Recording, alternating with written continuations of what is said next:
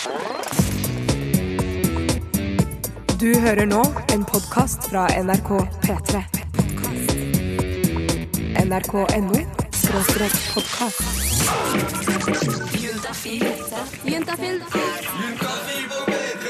Med programleder Tuva Fellmann. Foran og bak, oppå eller under og på siden og opp ned. Det finnes hundrevis av eh, stillinger eh, som du kan velge mellom. Eh, Og ikke minst så finnes det navn på disse stillingene. Doggy, 69eren, misjonær, og det er spansk omelett og hotdog. Det er altså så mye å velge mellom. Det virker som et gigantisk fruktfat med alt fra liksom norske epler til sære, spennende frukter fra land du ikke kan navnet på engang. Men så har jeg spørsmålet, hvilke skal man egentlig prøve seg på? Eh, Og hva er det sånn at det enkleste er det beste? Eller bør man eh, ta på seg akrobatbuksene og sette i gang? Som du sikkert skjønner, så skal vi snakke om sexstillinger her på Juntafil. Eh, Og som alltid så skal vi også svare på dine spørsmål om sex, kropp og følelser. I dag har du muligheten til å stille det spørsmålet du sitter inne med. Kanskje det du ikke har turt å spørre noen andre om. For når du sender en melding til 2026, kodeordet juntafil, så er du 100% anonym. Uansett hvor mye jeg skulle måtte ville prøve å finne hvem du er, så har jeg rett og slett ikke sjans. Så spør om alt fra klamydia til hvorfor du ikke får den opp, eller hvorfor du aldri blir forelska. Nummeret det er 2026, Koder det er juntafil. Husk å ta med kjønn og alder. Jeg heter Tuva Fellmann og blir her helt frem til klokka åtte. Send en SMS, med kodeord Kodeordet juntafil til 2026. 2026. Og Karina fra SUS har kommet inn i studio. Velkommen til Juntafil, Karina. Takk, Tuva.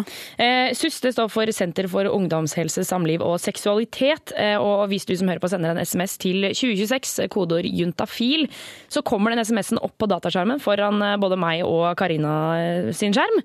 Eh, og det er en helt, altså det er en 100% anonym tjeneste, så det kommer bare opp selve spørsmålet. Så jeg tenkte vi skulle bare hive oss over, eh, Karina. Den er god. Den er god. Ja. Eh, Jeg har fått en SMS hvor det står Hei. eh, En fyr jeg hadde sex med for fire-fem uker siden, sier, han at, sier at en han hadde sex med før meg, har fått klamydia. Eh, Tror ikke han har det, men trenger jeg å sjekke meg da? Så det vil altså si at det, dette er en person som har ligget med en for fem uker siden, og den personen hun har ligget med, har, fått, har ligget med en som har fått klamydia. Det var litt vanskelig eh, Hva det heter. Det var litt vanskelig. Ja. jeg er enig i det. Men først kan vi bare sånn applaus til disse folkene som sier fra til hverandre. Ja, å ja, Ja. det er kjempebra. Ja, jeg ble litt imponert nå, fordi at eh, her har man på en måte gått eh, ganske langt da, i å informere de som eh, har vært i smitterisiko, da. Ja, det er jo faktisk eh, sikkert to måneder, det, da, hvor de har bare liksom Ja, ja. jobba seg gjennom ukene. ja, ikke sant? Ikke sant. Men uh, hun lurer på om hun må teste seg, og da lurer jeg på brukte hun kondom. Uh, Jeg tipper nei. Hvis jeg skal tippe. Hvis nei, så ja, da skal du teste deg for klamydia uansett. For det vi ikke må glemme, er at eh, de fleste som får klamydia, de får ikke noe tegn til det. Så de merker ingenting. Men er det, er det sant? Ja, det er helt sant. Oi, men, du? Ja, jeg, lover at det er helt sant. Og noen ganger får man symptomer, og det kan være kjempeguffent.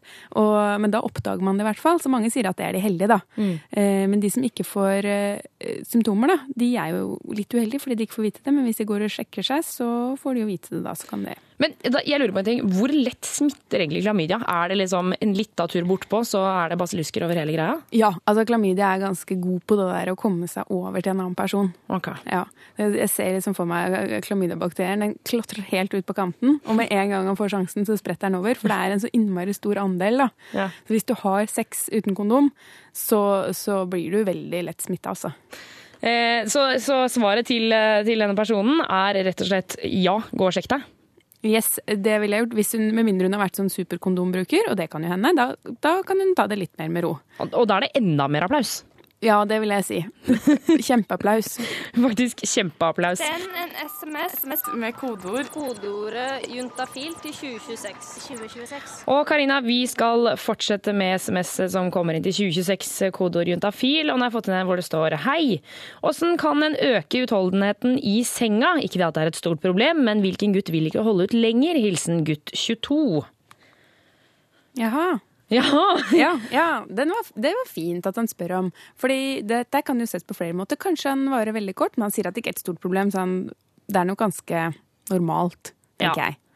Eh, eller så kan det jo hende at han bare ja, hva skal man si, vil holde enda lenger. Ja, det, det virker jo som at det er det der. At han, siden hvilken som helst gutt vil jo ikke holde ut uh, lenger. Jeg må jo legge til at jeg tror kanskje ikke Jeg tror kanskje det er mest gutter som vil det. Jeg er ikke helt sikker på om jenter vil det. Å, jeg er så glad for at du sa det! Ja. Det er sånn skal jeg si det. Ja, men det er ikke, nei, hvilken jente vil at han skal holde Ja. Eh, men eh, ja, nei, men hva kan han gjøre, da? Han kan jo Altså, det som kanskje mange jenter er opptatt av, da, det er at man gjør andre ting enn selve, eh, selve samleiet. Ja. Ja. Og, ja, sånn eh, liksom vorspiel og sånne Ja, ja, ting. ja. Alle, alle disse andre formene for sex som vi snakker om eh, hele tida. Ja. Eh, oralsex og at man koser og tar på hverandre og, og alt dette her. Og det, eh, det vil jo på en måte øke varigheten av det hele. Eh, på en måte som jeg tror at de han har sex med, vil sette stor pris på. Mm. Eh, hvis han vil vare lenger, hva skal han gjøre da? Er det ikke noen sånn start og stopp-teknikk. Jo, men det funker hvis man er en sånn som går veldig tidlig.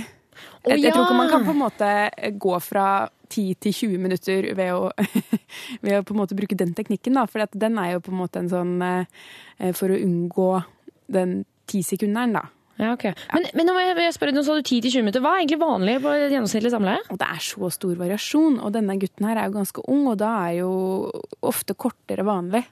Og når man blir eldre, så blir det helt naturlig at det tar lengre tid. Eh, Så det er liksom skummelt å begynne å si om hva som er normalt, da. Men ofte så snakker man jo om et par minutter er vanlig, og, eh, Men da er det selve samleiet man snakker om. Ja, ikke, ikke hele pakka, på en måte. Nei. Ikke sant? Eh, mens det er ikke noe i veien for at man kan holde på mye lenger enn det. Uh, eller kortere, hvis man syns det er gøy. Og og det viktige her er å huske på at uh, det er ikke alltid lenge som er best, men like gjerne hva man gjør, da. Ja. Ja. Eh, Vi skal svare på flere spørsmål litt seinere i sendinga, men straks så skal jeg få besøk av reporter Christian Ingebretsen. Jeg gleder meg veldig til å få høre hva han har bedrevet dagen med. Eh, Han løper jo frem og tilbake, inn og ut på kontoret, så det er jeg veldig spent på. Straks her på Juntafil. NRK P3. Og da har vi fått med vår granskende reporter Christian inn i studio. Og Christian, hva har du bedrevet dagen med? Du, jeg har forska litt i dag, Tuva. Fordi, Så deilig. Ja, er ikke det fint? For det, Den mest kjente og klassiske sexstillinga som vi kjenner, er jo liksom gjerne den, den såkalte misjonærstillinga. Altså, vi snakker liksom om en posisjon der mannen ligger på toppen, sånn at partnerne kan se hverandre inn i øynene. Det er jo veldig søtt. Du kjenner til den, Tuva? Ja, den er veldig hyggelig, altså. Ja. Og faktisk én av fem nordmenn foretrekker denne stillinga fremfor noen andre stillinger, og de fleste har denne som en såkalt utgangsstilling, eller utgangsposisjon, da. Men det jeg åpenbart lurer på, er hvorfor heter denne her egentlig misjonærstillinga? Og selv om de fleste har prøvd den, vet de egentlig, hva han het, hvor, altså, vet de egentlig at han heter det? Ja. Jeg vet sånn litt hva det er. Ja. Jeg vet hva misjonær er eller noe. Jeg har hørt litt om det, men jeg vet ikke helt hva det er. Jeg har bare hørt ordet et par ganger, bare. Ikke sånn ofte. Nei, når har du hørt det ordet, da? Jeg hørte når jeg var hjemme, og så har jeg hørt det litt sånn andre steder på TV og radio og alt mulig sånn. Hva er misjonærstillingen? Jeg har ikke peiling. Nei, jeg vet ikke. Forklarer de det? Ja, forklar, forklar. Det er den mest vanlige stillinga når Å ja, sånn? Å, herregud. jeg tenkte på noe helt annet, jeg. Ja. Misjonærstilling? Hva, hva mener du på sånn misjonær? Jeg forstår ikke. Missionary position. Ja, missionary position. Å ja, Ja. på senga du mener? Ja. Jeg kommer fra Frankrike, vi bruker aldri. Oi, er det sant? Nei, nei, det er kjedelig. Det er, det er som vanlig mat. Matpakke på jobb. Jeg tror det er, det er litt trist, på en måte. Men det er fint at du kan se på din partner i øyet. Det, det er viktig. Det er bra. Men du, du hadde hørt om det? Jeg har hørt om det. Hvorfor tror du det heter det? Fordi misjonærene gjorde sikkert det, fordi det er det safeste, hvis du skjønner. Nei, det er sikkert safest fordi det er ikke så mye sånn gym inne i bildet. Det er ikke så mye akrobatikk, hvis du skjønner. Um, det tror jeg fordi det er en ganske sånn standard eh, løsning. Rett og slett. Men hvorfor misjonærstillingen, liksom? Kanskje de ikke er så kreative på de tinga der. Mener du har hørt at det var misjonærene som innførte det når de kom til nye land? At det var den stillingen man skulle gjøre det i? Ja. At man ikke skulle gjøre det sånn som dyr? På en måte? Nei. Hva er dyr, de gjør det da? Nei, det vet jeg ikke. Jeg liker utrolig godt han franskmannen. Ja, det er fantastisk. Men, men som du hører, så er det faktisk veldig mange som tror at, at det er misjonærer som har funnet han opp, da. Ja. Og jeg kan si deg så mye, Tuva, at det er det faktisk ikke. Er det ikke, nei? Nei, det er ikke det. Jeg har rota litt i arkivet i dag, så ganske snart så skal dere få svaret på hvorfor denne folkekjære sexposisjonen heter misjonærstillinga. Og når det kommer til sexstillinger, så er det gjerne misjonærstillingen som er den mest brukte varianten. Det er jo den hvor mannen ligger på topp, og paret ser hverandre inn i øynene. Eh, Men hvorfor denne stillingen heter misjonærstillingen, det er jo et godt spørsmål, og vi har besøk av vår forskende reporter Christian. Og Christian, hva er det du egentlig har funnet ut? Ja, du Tuva, jeg har rett og slett vært og rota litt i det historiske arkivet i dag for å finne ut av dette her, og jeg ble veldig, jeg ble, jeg ble veldig overraska egentlig over hva jeg fant ut. Så ja, da er det egentlig bare å skulle bare rulle i gang litt sexstillingshistorie.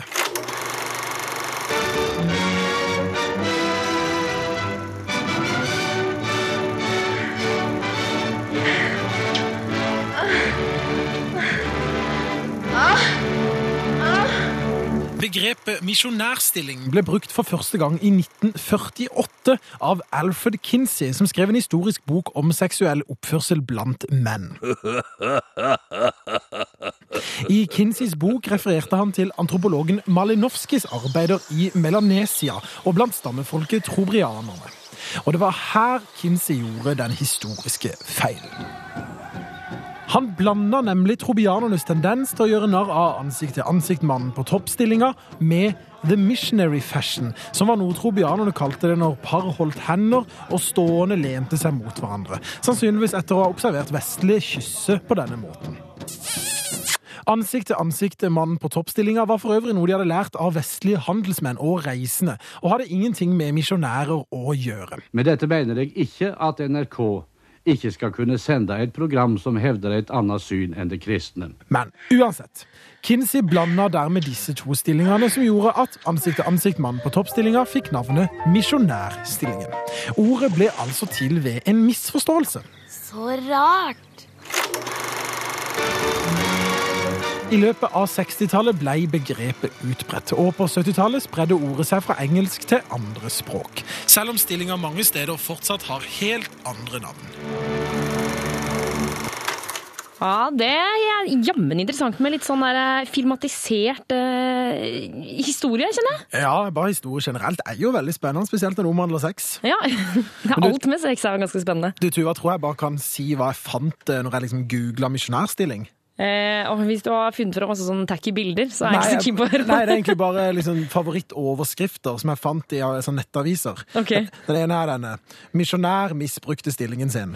det er veldig gøy. Og min favoritt, som faktisk eh, var noe jeg absolutt ikke visste, eh, men det som det tydeligvis er et slags medisinsk problem 'Misjonærstillingen gir musearm'. Så til alle dere gutter der ute som eh, ikke sitter mye på data, men allikevel har vondt i hånda, så vet jeg, vet jeg nå grunnen. Tusen takk, reporter Christian eh, Ingebretsen. Det var Og i dag så har det kommet ut en ny P3-dokumentar. Det kommer det jo en gang i uka, og det ligger på p3.no hele tiden. Men så kommer det også på radioen klokka ni hver søndag morgen. Og hvis du er en juntafil-fan, eh, som jeg selvfølgelig regner med at du er, eh, så er det sånn at du, du må rett og slett bare høre på den som kom ut i dag. En P3-dokumentar om unge pasienter som lider fordi Helse-Norge synes sex er flaut. Av Andreas Falkenberg, Maria Lix Isdal Voasa og Nares Sakov. P3.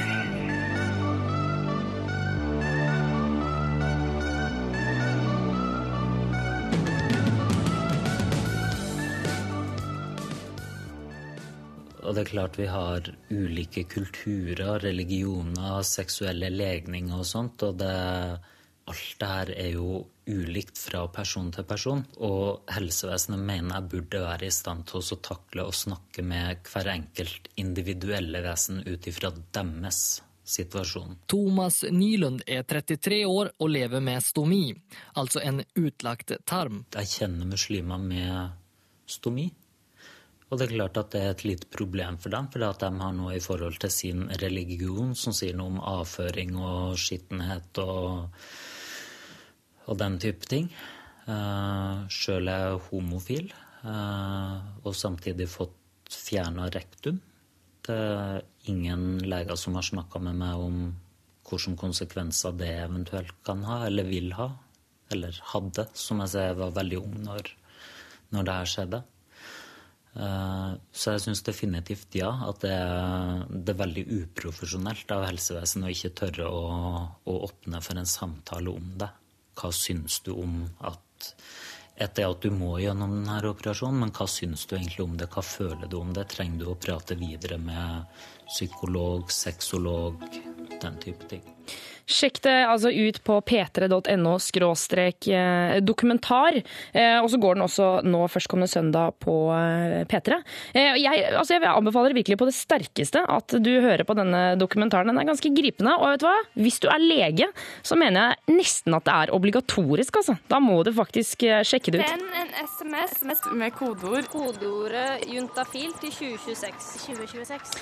Og Karina fra SUS, vi skal svare på flere SMS som kommer inn til 2026, eh, kodeord juntafil. Eh, Og bare for å eh, dobbeltsjekke, du som faktisk jobber i SUS altså, ofte, Karina. Mm.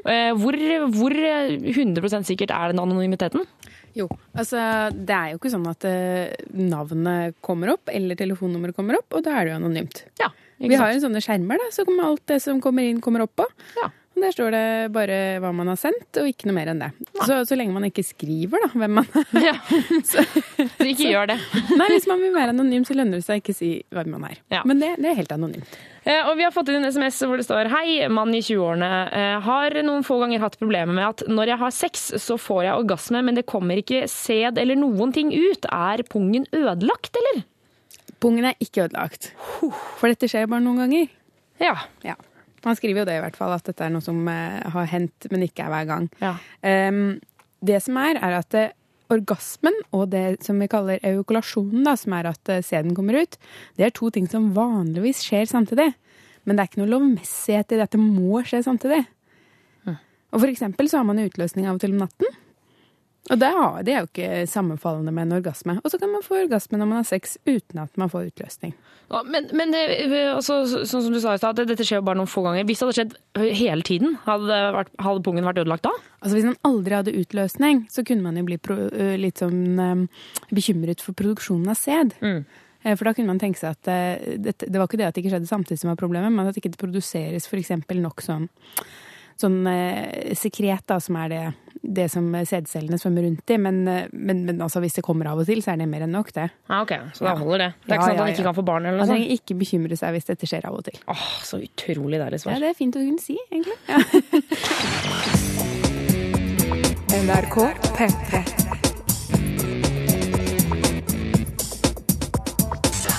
Vi som jobber i Juntafil, vi er jo opptatt av at eh, du der hjemme skal få svar på alt du lurer på når det kommer til sex, kropp og følelser. Og når jeg sier du nå, så tenker du ja, kanskje bare på deg selv, men hvis du tar en titt rundt deg, så er det nok noen flere der som har spørsmål. Blant annet eh, bikkja di, katta di, flua som er inne på soverommet ditt, eller kanskje loppene i senga. Og for at de også skal få svar, så har vi invitert zoolog Petter Bøckmann. Velkommen! Hei sann! Du, eh, jeg tenkte nå skal vi snakke om et eh, dyr som, eh, som mange har i Norge.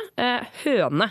Altså, SMS-en er 'jeg er en ung høne, jeg gruer meg til å ha sex'. Venninna mi sier at jeg kommer til å bli voldtatt. Hilsen bekymret høne. Ai, ai. Dette, er, er det et trist svar på dette her? Jeg er redd for det. Ja, du er redd for det, ja. Ok. Uh, ja, ok. Er det Ja, ok. Men vi, vi, vi klarer å gjøre det hyggelig for det. Ja, Vi kan jo forsøke. Vi får svaret straks her på Juntafil om, eh, om eh, bekymret høne har noe å grue seg til når det kommer til voldtekt. Straks her på Juntafil. Nå hører du på Juntafil på P3! Juntafil. Med Tuva Fellmann. Du hører på Juntafil her på NRK P3, og eh, vi svarer jo på spørsmål angående sex, kropp og følelser til mennesker. Men når Petter er i studio, så er det også dyr som får svar. Eh, Sant, Petter? Du er zoolog. Ja, jobben min er å vite ting om dyr. Ikke sant, ikke sant. Og det er, det er deilig å ha en viten person eh, ved siden av seg når det kommer inn SMS som dette her. Jeg er en ung høne som gruer meg til å ha sex. Venninna mi sier at jeg kommer til å bli voldtatt. Hilsen bekymret høne. Å, fin eh, signatur der. Ja, berømme unge høna for dette. Men eh, det, det høres jo veldig trist ut, dette her. Hva, hva er greia? Nei, Det er sånn hos en del dyr at eh, sex ikke er en sånn eh, ikke sånn som det er hos oss. da. Hos oss er jo sex mye godt en sånn sosial ting. Det skal knytte hunden og hannen sammen og bla, bla, bla. bla. Eh, høns har jo et helt annet system. Der er det liksom det hanefar, og så er det en liten hønsegård. og Dermed så fungerer det på en litt annen måte. Og hos hønsefuglene, og det er jo ikke bare høne og hane, det er liksom eh, tiur og orrfugl og påfugl og alle de der som liksom ser litt ut som høne og hane, så er systemet det at der bare hiver gutta seg på.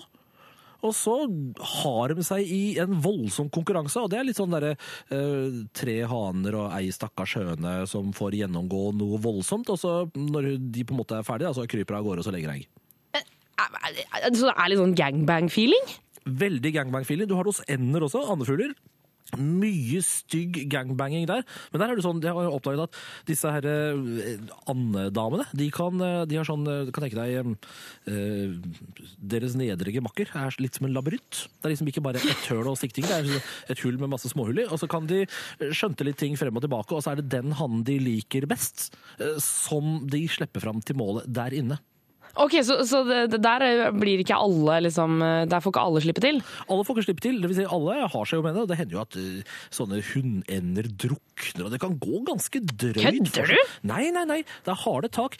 Hos sjøoter, for eksempel, disse pene, søte, snille pattedyrene som alle syns er så nusselige, så hender det at gutta blir så ivrige. Da er det jo typisk sånn bakfra doggystyle-system.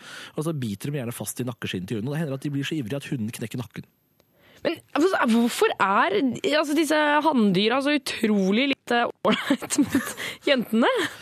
Nei, det er testosteron, da, stort sett. Nei, Det er sånn i dyreriket at uh, det er ofte litt greiere å være hann enn å være hund. fordi at hvis du er pattedyr som skal drive og dra på disse fostrene inni deg. og Hvis du er fugl, skal du legge sånne kjempesvære egg med masse skall. og Det er, det er mye tjåk i forhold til det å bare legge igjen en skvett med sperm. Sånn at damene har på en måte mest å tape, og gutta har mest å vinne på å ha seg, og da blir det fort litt sånn.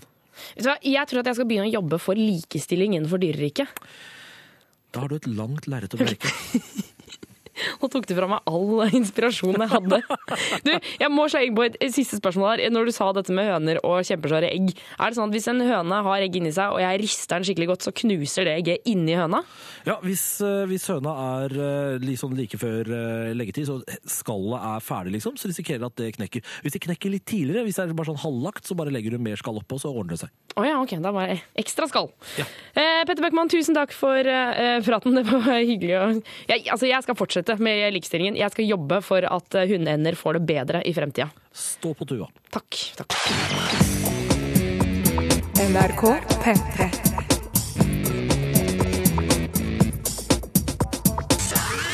Og klokka den er blitt eh, seks på syv. Det vil si at det er tid for sexnyheter ved Christian Ingebretsen. Og jeg har forstått at det skal handle en del om kjendiser i dag. Ja, det stemmer, Tuva. Og helt først så skal vi til en kar som virkelig kan det med å få hole in one. Tiger Woods og hans svenske kone Elin Nordegren hadde tilsynelatende perfekt ekteskap inntil flere kvinner sto frem og fortalte om sine affærer med golfstjernen. Skandalene førte til at de to gikk fra hverandre i 2010 etter seks års ekteskap.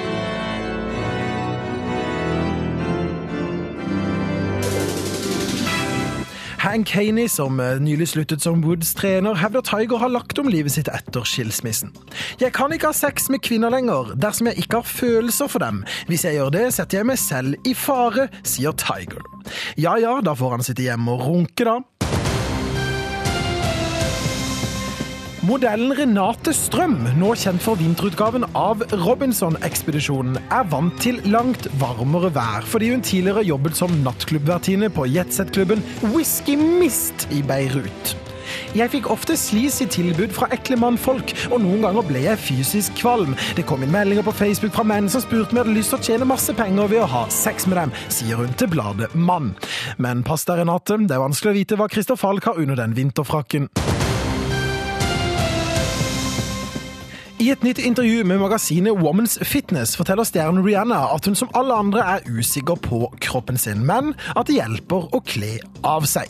Men sangeren innrømmer at det å av seg kanskje ikke øker alles selvtillit. Min måte virker nok ikke for de fleste, sier Rihanna. Åh, hun tenker liksom på alle, hun Rihanna.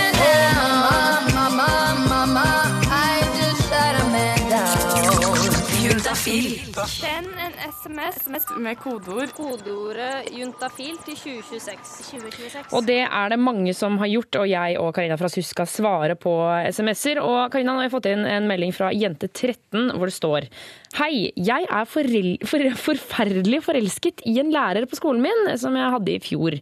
Hva skal jeg gjøre, og hva risikerer jeg ved å fortelle han det? Så det er altså en 13 år gammel jente som er forelska i læreren sin. Ja. Uff. Eh, Det, ja. Og det er et så håpløst forhold. ja, jeg blir lei meg for at vi skal si noe nå så hun kommer til å bli lei seg. Ja. Men, eh, men vi må gjøre det likevel. Men først skal vi si det er så vanlig å bli forelska i læreren. Ja, vet du hva, jeg tror jeg har vært eh, altså, jeg, Til og med på universitetet tror jeg jeg var forelska i foreleseren min. Å Å ja, ja, ja. Det er liksom enhver sånn person som står foran som en sånn slags um, Altså, en autoritær, ja, ikke sant? Autoritær person som, som vet så mye og kan så mye og sånn. Ja, ikke sant? Og og det, det, det er litt sånn som at i, i, gamle dager så ble man liksom forelska i hulehøvdingen eller vikingkongen eller hva enn det var. Det er, vi blir, fore, vi blir forelska lett i de som på en måte er står for oss på den måten, da. Og læreren er jo typisk, da. Også er læreren har jo masse tenåringer rundt seg, de blir ekstra forelska ekstra ofte.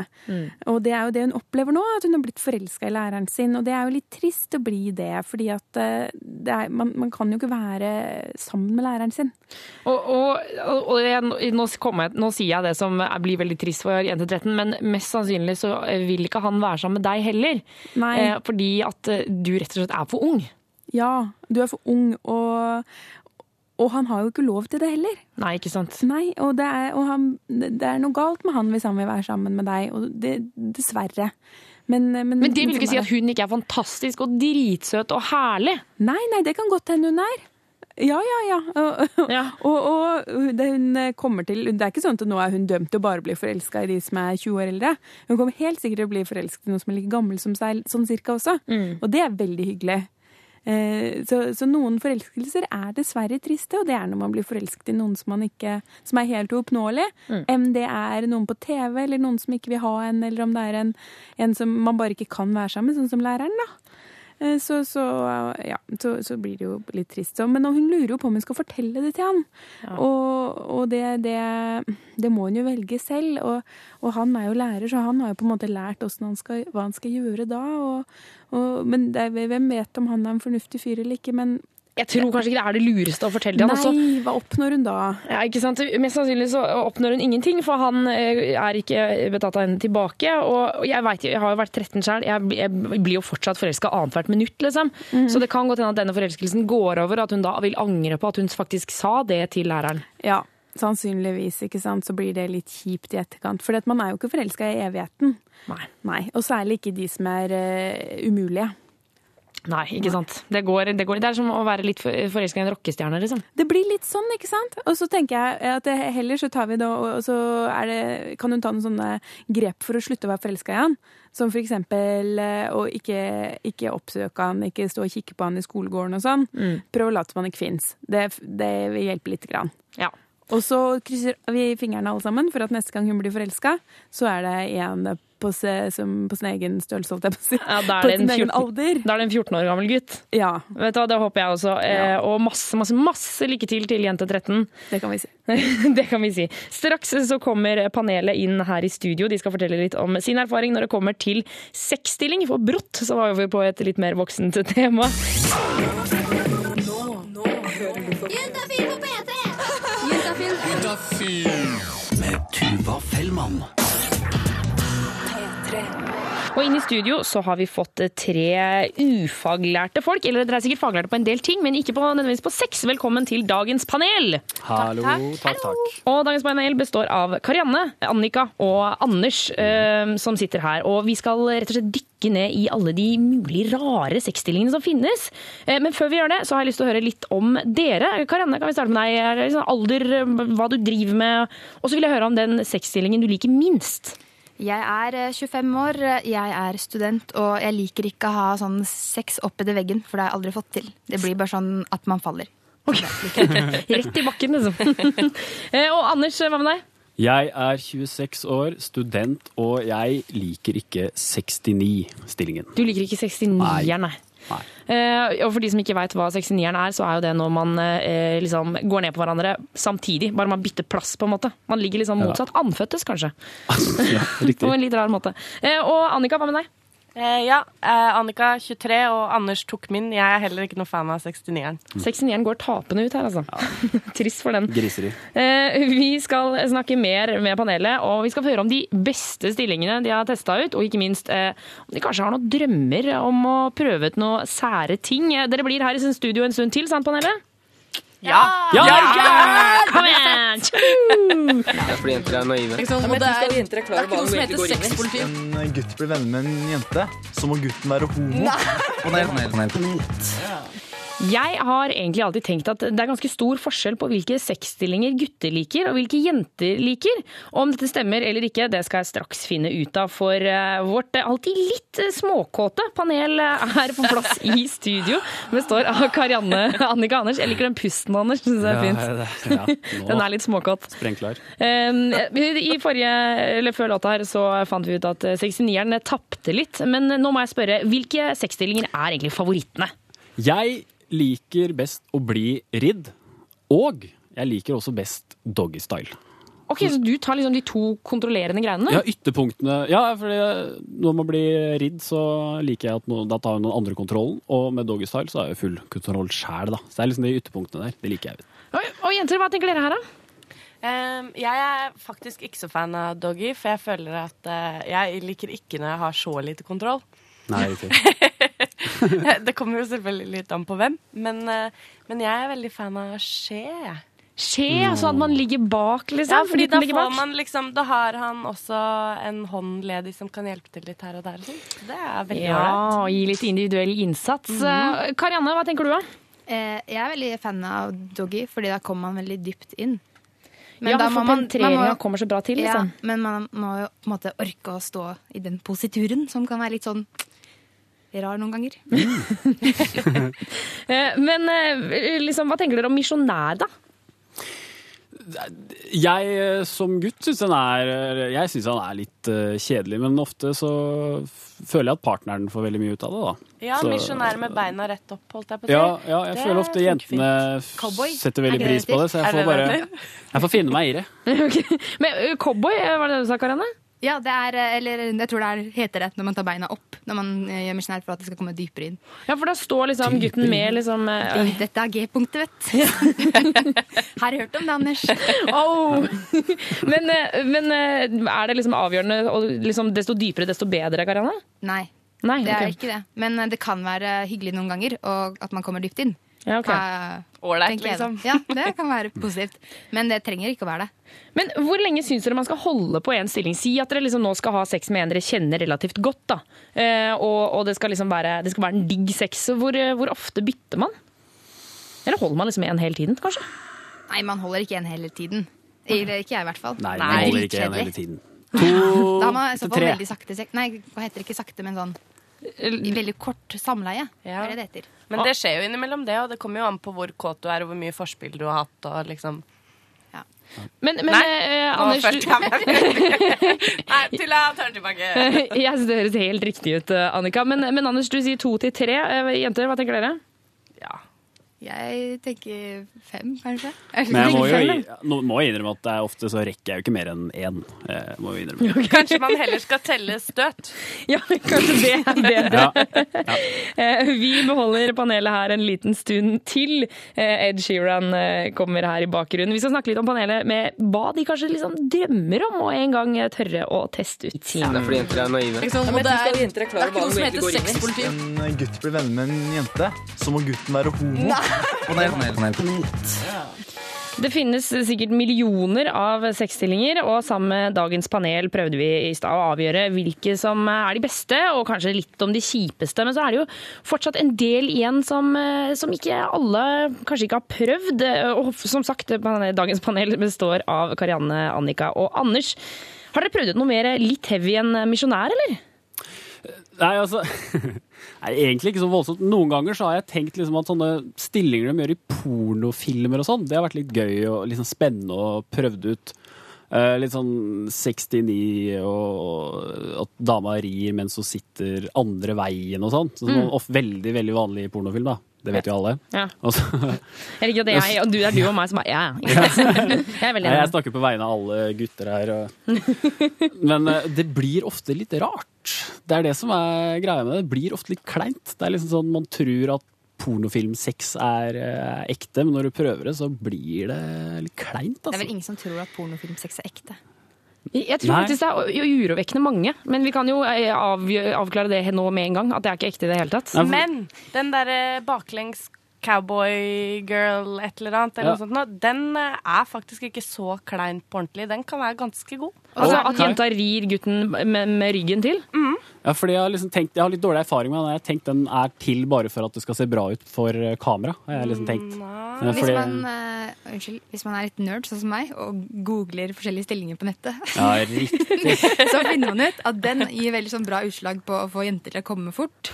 Å ja, er det derfor jeg liker den? Ah, ja, ja, da skjønner jeg. Da skjønner jeg. Ja, jeg får prøve igjen, ja. Men eh, Karina, eh, Karina, du har også gått på en liksom litt liten smell når du har prøvd litt akrobatikk. Ja, det er jo ikke alltid kroppen og hodet og alt fungerer. Eller man er jo på en måte ikke alltid helt inni sin egen kropp. Nei, det var veldig fint å si. Eh, Beklager, jeg tar det tilbake. Eh, Men det jeg prøver å si, er at en gang da jeg hadde samleie, så, så lå man i eller vi lå i en sånn litt sånn saksete stilling. Eh, Og da blir det noen ganger eh, beina litt bøyd og ligger litt sånn rart. Og da er det sånn at da fikk jeg krampe i foten. Og jeg er en sånn person at hvis jeg får krampe i foten, så må jeg opp som fort som bare det, og så må jeg gå. Hvis ikke så går det ikke. Så jeg måtte bare Og jeg skvatt jo, for det er jo vondt, så jeg skreik. Og så var jo den personen oppå meg, så jeg måtte liksom han, han trodde jo at han hadde drept eh, tissen min. Og så måtte jeg liksom opp og, og gå meg en liten tur, da. Eh, og så da, da var det ikke så Det er ikke alltid var det ikke så lett å liksom eh, fortsette herligheten. Men, eh, så, men det kan skje den beste. Det kan skje den beste. jeg, da. Det var det jeg tenkte. Hva sa du? Jeg tenkte bare at uh, dette er sånn som skjer alle. Det er ikke sikkert det gjør det, men jeg tenkte det. Eh, Men eh, og Annika, eh, hvordan er du i forhold til dette akrobatiske sexlivet? Jeg er ikke, jeg er ikke så akrobatisk, eller sånn eh, Da tenker jeg litt sånn Kamasutra og sånn. Har ikke jeg noe behov for å prøve egentlig. Eh, og har aldri hatt noen partnere som har hatt sånn sykt behov for å prøve heller. Eh, hadde jeg hatt det, så hadde jeg sikkert prøvd, men jeg er mer sånn på den å finne stillinger som er gode og komfortable, for da er det lettere å nyte det og komme og Ja, sånne ting. Ja, Så det er rett og slett eh, hos deg så er det liksom enklere, og ofte litt bedre? Ja, eller komfort før akrobatikk. Ja, ikke sant. ikke sant.